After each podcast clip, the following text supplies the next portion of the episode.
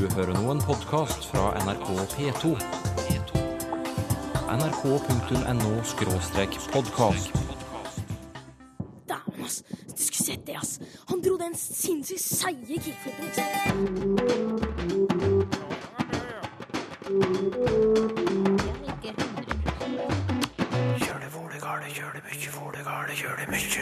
Når samiske stedsnavn fornorskes, forsvinner historien bak navnet.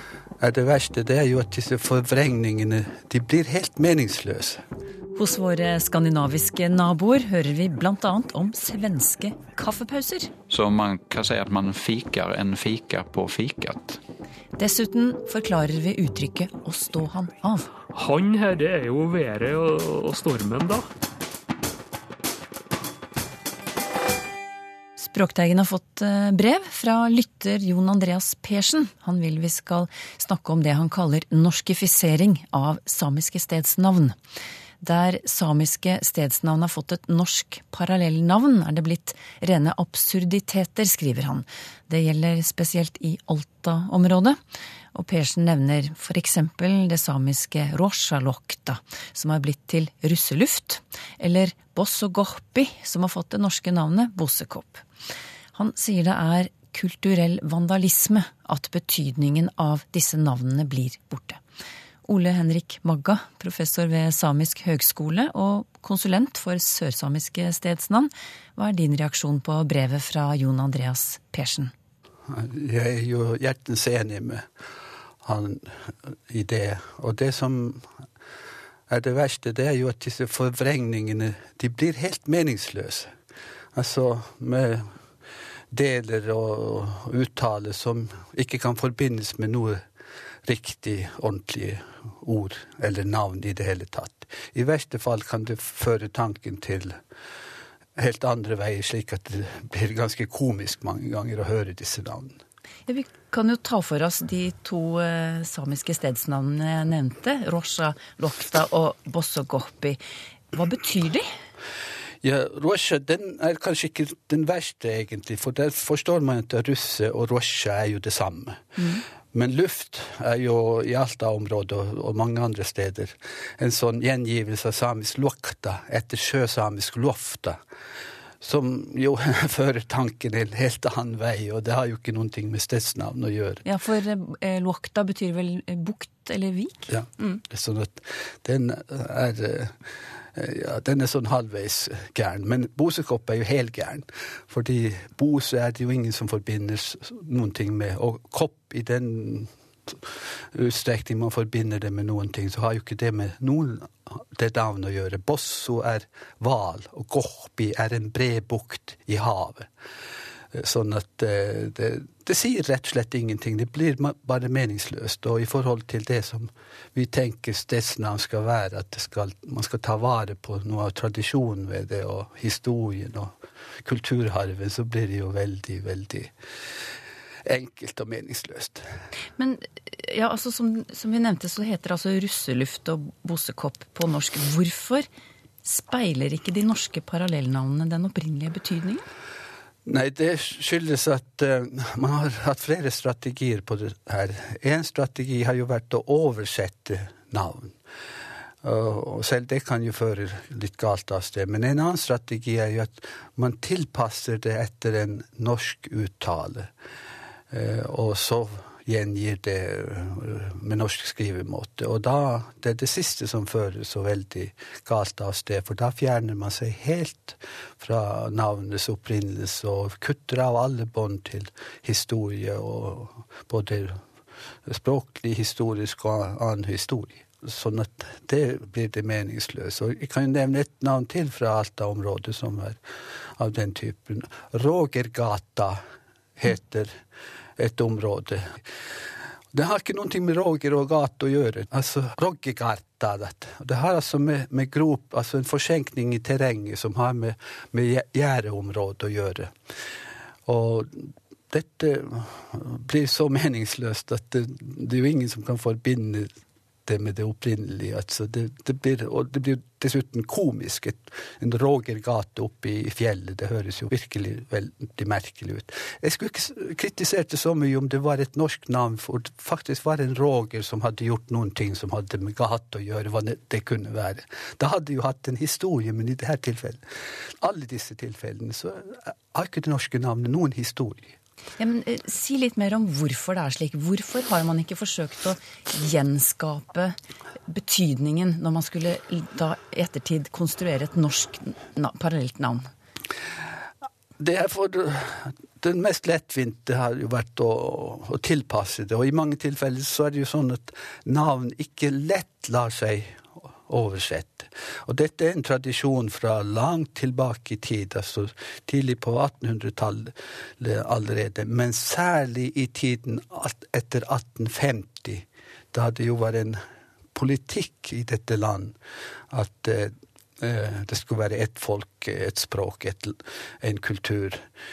Og, og, og, og, det samiske ble jo ikke verdsatt særlig høyt. Tvert imot omtalte man det svært negativt. Og over 100 år, fra 1950 til 1850 til 1950, så var det en sånn ånd. Og da skulle altså alle samiske navn oversettes eh, i de tilfeller det lot seg gjøre. Og bare det norske navnet som skulle brukes. Og veldig mange av kartene fra den gang, altså oppkonstruerte navn. og hvor det opprinnelige samiske navnet ikke er med i det hele tatt. Og det var denne linjen man da kjørte på veldig lang, lenge. Mm. Men hva har det ført til at eh, de samiske navnene har eh, fått norske parallellnavn på denne måten? Det har ofte ført til at eh, det er det norske navnet som er kommet i bruk. Og, selv i dag etter at vi har fått stedsnavnsloven fra 1991, så tar det veldig lang tid fordi det norske navnet innarbeides. Og fortsatt er det sånn at de norske versjoner av navnet det er de som får status. For tross alt er det jo slik at antall norsktalende er veldig mange flere. Og de sitter gjerne i maktposisjoner rundt i samfunnet. Så det er deres eh, versjon av, av navneverket som, som, får råde grunnen. Ja, hva betyr det at de får status? Hva innebærer det? Det innebærer det at det er de som brukes offisielt. Og jo mer navn brukes offisielt, dess mer status for de, fordi til og med samisktalende etter hvert annammer disse navnene. Mm. Men hva, hva, er det som går tapt, da? Ja, Da går jo tapt den betydningen, fordi mange av disse navnene eh, er eh, beskrivende. Vi har et navn, Signaldalen i, i Troms, Storfjord kommune. Og Det er altså Kjeknjelvåvodi. Det er altså dypskogen. Eh, kunne man oversatt det. Altså Kienjel betyr dyp, og Wodi er skog. Men signal har jo ikke noen ting med det, det, å gjøre. Så hele den betegnelsen av det stedet, som gjerne kunne fungere som et kompass i gamle dager man altså, Disse stedsnavnene kunne så avspeile hvordan terrenget ser ut. Og ofte kunne man bruke den når man ville forklare noen vei. Hvordan skal du gå? Så går du der. Og, og navnet i seg sjøl kunne forklare hvorfor hva slags terreng man har å gjøre med. Og det blir jo rene absurditeter noen ganger av det her.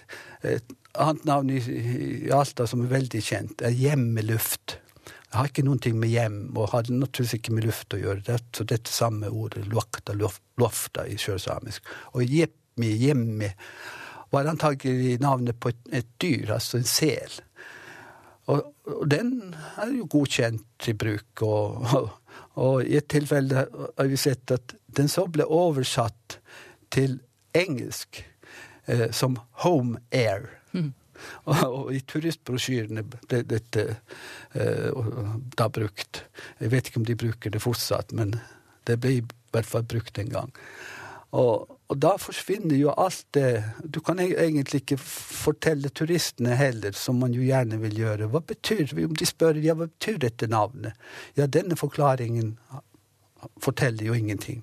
Men der, der ser man hvordan kjeden brytes, at det, hva navnet egentlig betyr, det bare forsvinner og neglisjeres. Mm. Men hvordan skulle man ha gjort det? Altså når man da ta eksempel et ja, et av disse eksemplene våre, eh, Bossegoppi eller, eh, eller Bossekopp. Du mener at det ikke skulle vært laget et norsk navn for det samiske stedsnavnet eh, Bossogoppi i det hele tatt? Nei, man skulle brukt det, det samiske Bossogoppi og ført det opp på skilt, og da hadde det blitt gjennomarbeidet. Og, og Bosekopp er ikke mer norsk enn Bossogoppi. Begge er samiske, altså samiske navnelementer i det, og jeg ser ikke noen ting at det er bedre norsk å si Bosekopp enn Bossogoppi. Mm. Eh, Hva med det andre eksempelet vi startet med, da? Rosha Lokta. Eh, Hva kunne man gjort annerledes med det? Ja, det, på samme måten der kunne vi brukt Roshalokta som, som stedsnavn. Og, og ville man tilpasset det å skrive med norske bokstaver, hvilket man kanskje hadde måttet gjøre på den tiden, så hadde jo det latt seg gjøre. Og så gjengi den samiske uttalen eh, nøyaktig. Men helst eh, må man følge stedsnavnsloven, som sier at den rettskrivningen som er godkjent på det språket, det er den som skal brukes i stedsnavn. Det sa Ole Henrik Magga, professor ved Samisk høgskole og konsulent for sørsamiske stedsnavn.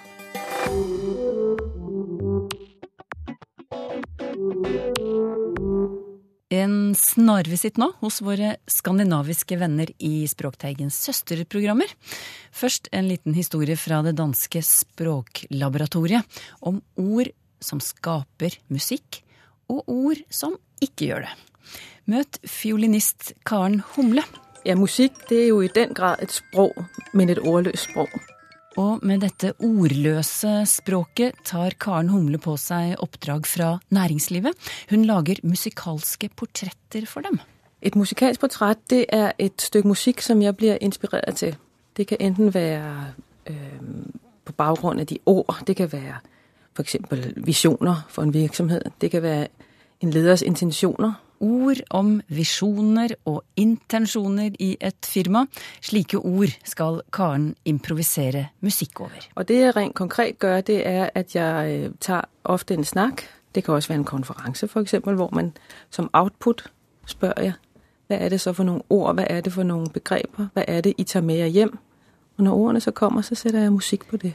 Det betyr at Karen Humle har måttet lære seg næringslivets språk og konsulentenes språk, med gloser som effektiviseringspotensial og kompetanseutrustning. For meg var det, var det et helt fremmed språk.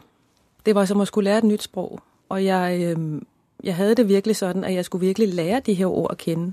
Og jeg skulle også lære betydning av dem.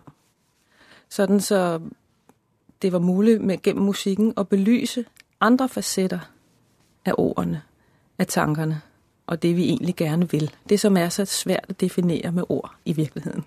Og som et eksempel på hva som kan skje i et slikt møte, forteller hun følgende historie fra et oppdrag for en gruppe direktører i en teknisk bransjeforening. Og der sad øh, på første rekke midt for en meget markant mand, lille, tett, øh, litt som en fjeder. Han var spændt som en fjeder, og han var, havde meget stor udstråling, karismatisk, litt brysk også. Og da jeg spurgte, hva er det vigtigste for jer som ledere, som direktører her, hva er det I liksom brænder for? Så sagde han med høj røst, profitoptimering. Og øh, der er det sådan, at jeg er på den måde, at øh, det er først, når jeg hører musikken fra mitt indre øre. Jeg kan ikke tænke meg til, hva jeg skal spille. Jeg skal høre det fra mitt indre øre, før jeg ligesom kan spille noget. Kan lave det her musikalske portræt. Og jeg kunne ikke høre noget på profitoptimering. Der kom ganske enkelt ikke noget. Nej, og det sagde jeg så. Så sagde jeg, kan du sige lidt mere om det her profitoptimering, for jeg kan ikke rigtig høre noget musik. Nå, sagde han så og kiggede på mig. Og så var det som om hele hans krop løsnede op. Han åbnede sig, og et stort smil bredte sig, og han lignede pludselig, i stedet for at være den her bryske direktør, så lignede han en rigtig hyggelig bedstefar. Så sagde han, skaberglæde. Og et skaberglæde, der er simpelthen så meget musik i ordet skaberglæde for meg. Og han ble meget glad for den musikk jeg spillede. Profittoptimering. Et ord som viste seg å bety noe mer enn bare penger. Iallfall i denne historien fra Språklaboratoriet, der kollega Helle Solvang er programleder. Så en sving innom Sverige. Du lyssnar på Språket i P1. Jeg heter Emmy Rasper. Og i Språket i P1 får de lytterspørsmål, akkurat som oss. Vi skulle ta en fika her på jobbet og noen sa vi kan prate om det på fikat. Heter det fikat eller fikan? undrer William. Ja, fika. Det er et ord som vi i Språkteigen får spørsmål om en sjelden gang iblant også. La oss høre hva språkforsker Henrik Rosenquist svarer. Og da kan vi ju göra en liten språkhistorisk redogörelse för detta. För att fika är ett väldigt speciellt svenskt ord. Vi har, hittar inte det i danska och norska och så vidare. Och det är faktiskt samma ord som kaffe.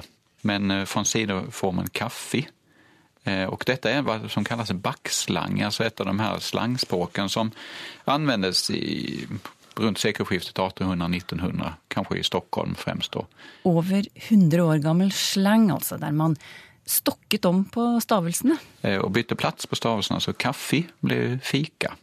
Jättekul ju. Ja, Vilka gjorde det här? Ja, det var eh, de ungdomar kan man väl säga som upp- uppfattar sig som litt utenfor samhället. Hipsters. Hipsters kan man säga då. Fika er et ganske nytt ord i svensk, sier Henrik Rosenquist. Og som William sier, så kan man si en fika eller ett fika. Båda är lika rätt. Men sen när jag då rent eh, spontant använder min egen språkintuition så skulle jag säga att en fika det är det man intar när man fikar. Men ett fika det är själva fikapausen då. Kaffen og wienerbrødet blir altså én fika, men selve kaffepausen får intet kjønn. Ett fika. Så man kan si at man fikar en fika på fikat. Vi har også et fik. Ett fika, det är ett café. Ja, Ja. det är ett ställe där man fikar. Då säger man ju inte en fik. Nej, då heter det ett fik. Ja. Och så har vi ju verbet fika. Så da er det bare om å gjøre å huske på alle disse fika-variantene helt til neste Sverigebesøk. Det blir kveld, og så blir det morgenkveld, og så blir det enda en kveld hvis ikke jeg blir klein. Vi åpner dagens lytterspalte med et kjent nordnorsk uttrykk, Tor Erik Gjenstad. Å stå han av. Det er Tor Åge Holm som vil at vi skal si litt om bakgrunnen til å stå han av. Ja, eh, det betyr jo da, som folk vel kjenner til, å, å greie seg gjennom ei påkjenning og, overleve. Og det er belagt i Nord-Norge, men også et par belegg ganske mye lenger sør. Valle i Setesdalen og Dalane i, Rogaland. Og det skriver seg nok fra båtlivet, det her. Men for å ta et eksempel da, fra erkenordlendingen Arthur Arntzen, som skrev om Nord-Norge som sitat, en landsdel bare for ekte idealister, for oss som står han av uansett. Men eh, det skriver seg noe fra båtlivet, og det viser jo et annet eksempel her. Den eneste båten som sto han av da han kom med stormen. Det er fra tidsskriftet Hålaug minne. Han her, det er jo været og, stormen, da. Og av her, du har jo parallell eksempel i engelsk, nei, om forlatelse i svensk, klare av. Så det er jo å, å bli ferdig med noe. Stå ut med eh, har du jo også om å orke. Så å stå han av, det blir jo egentlig ganske logisk.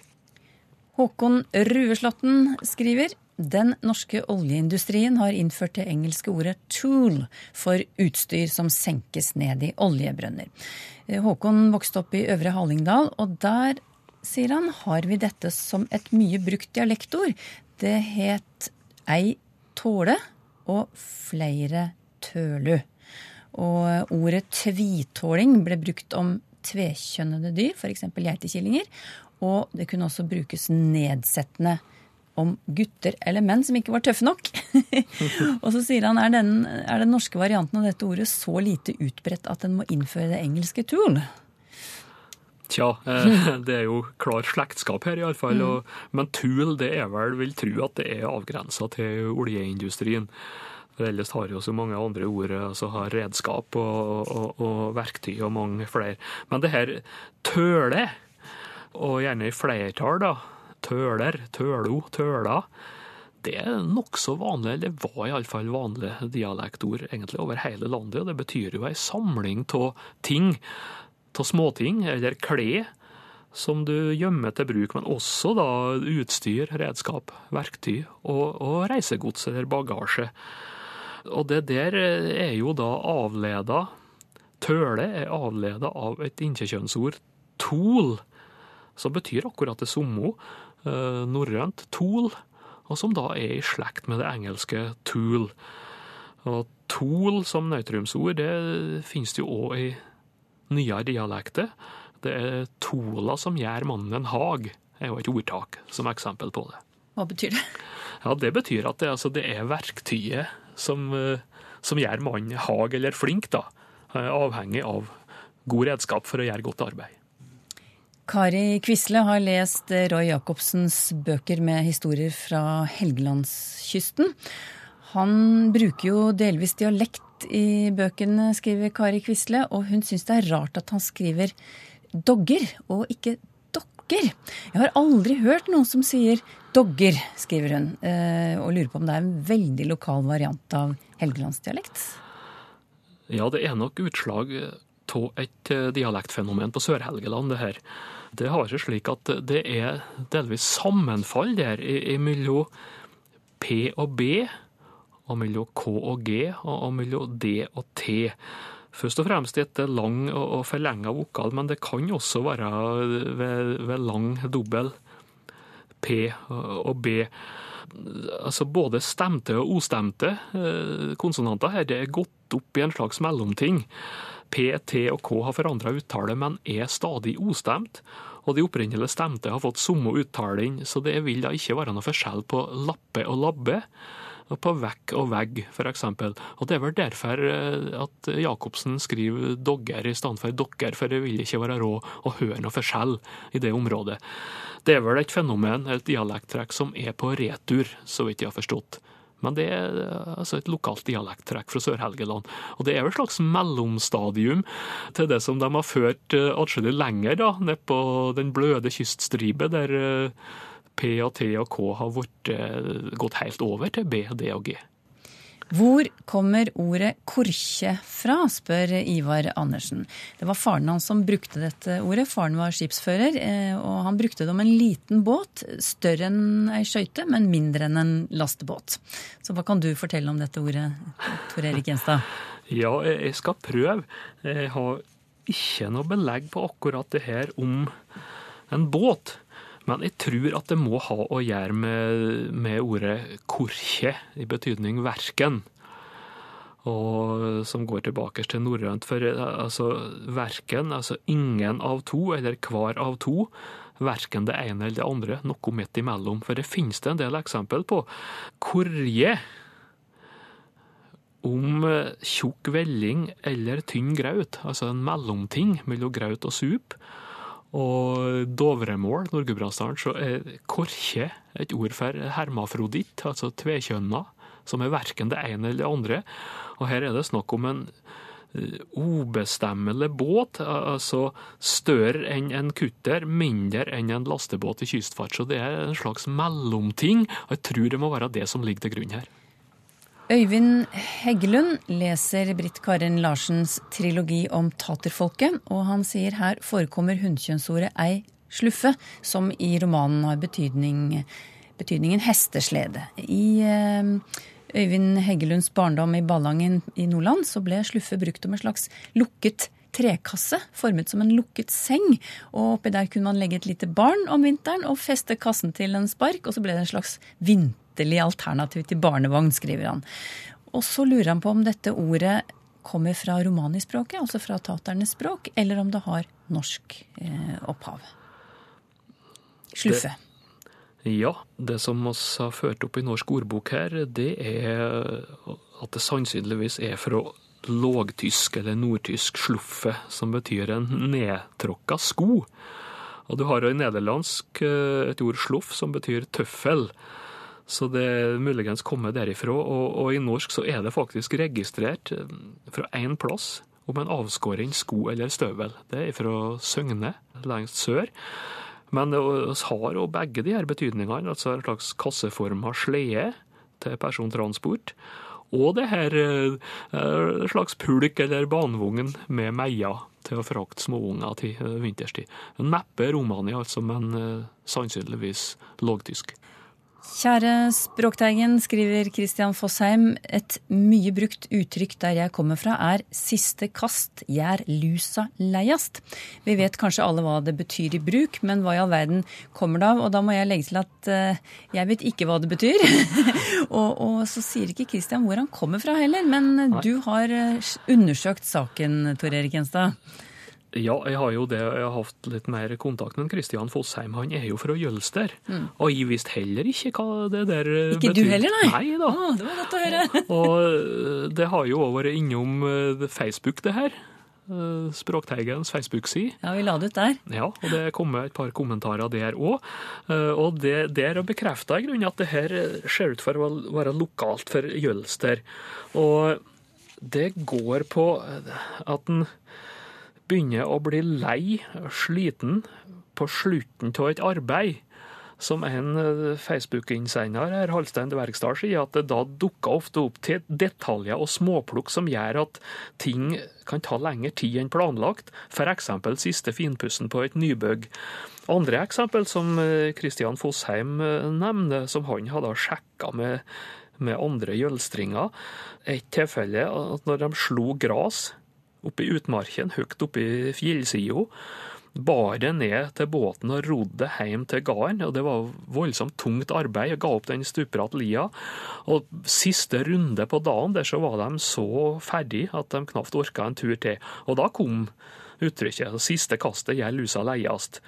Og ved annet, tungt arbeid, eh, når de var kommet helt på slutten på, på ei hesje, f.eks.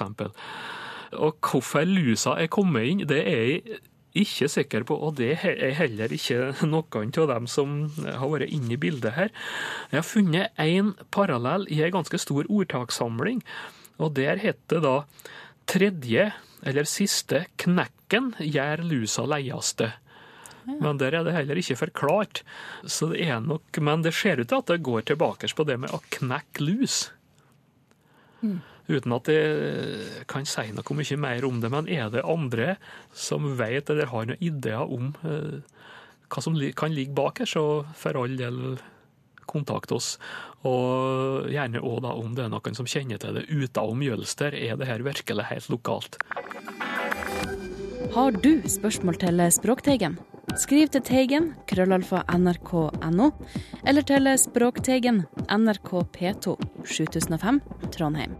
Så finner du oss også på Twitter og på Facebook. Bruker du det engelske ish? Ja, skal vi møtes sånn klokka åtte ish, da, kanskje? Eller Jo da, jeg strekker jeg òg. Ish. Mer om bruken av ish i norsk, Språkteigen, neste gang.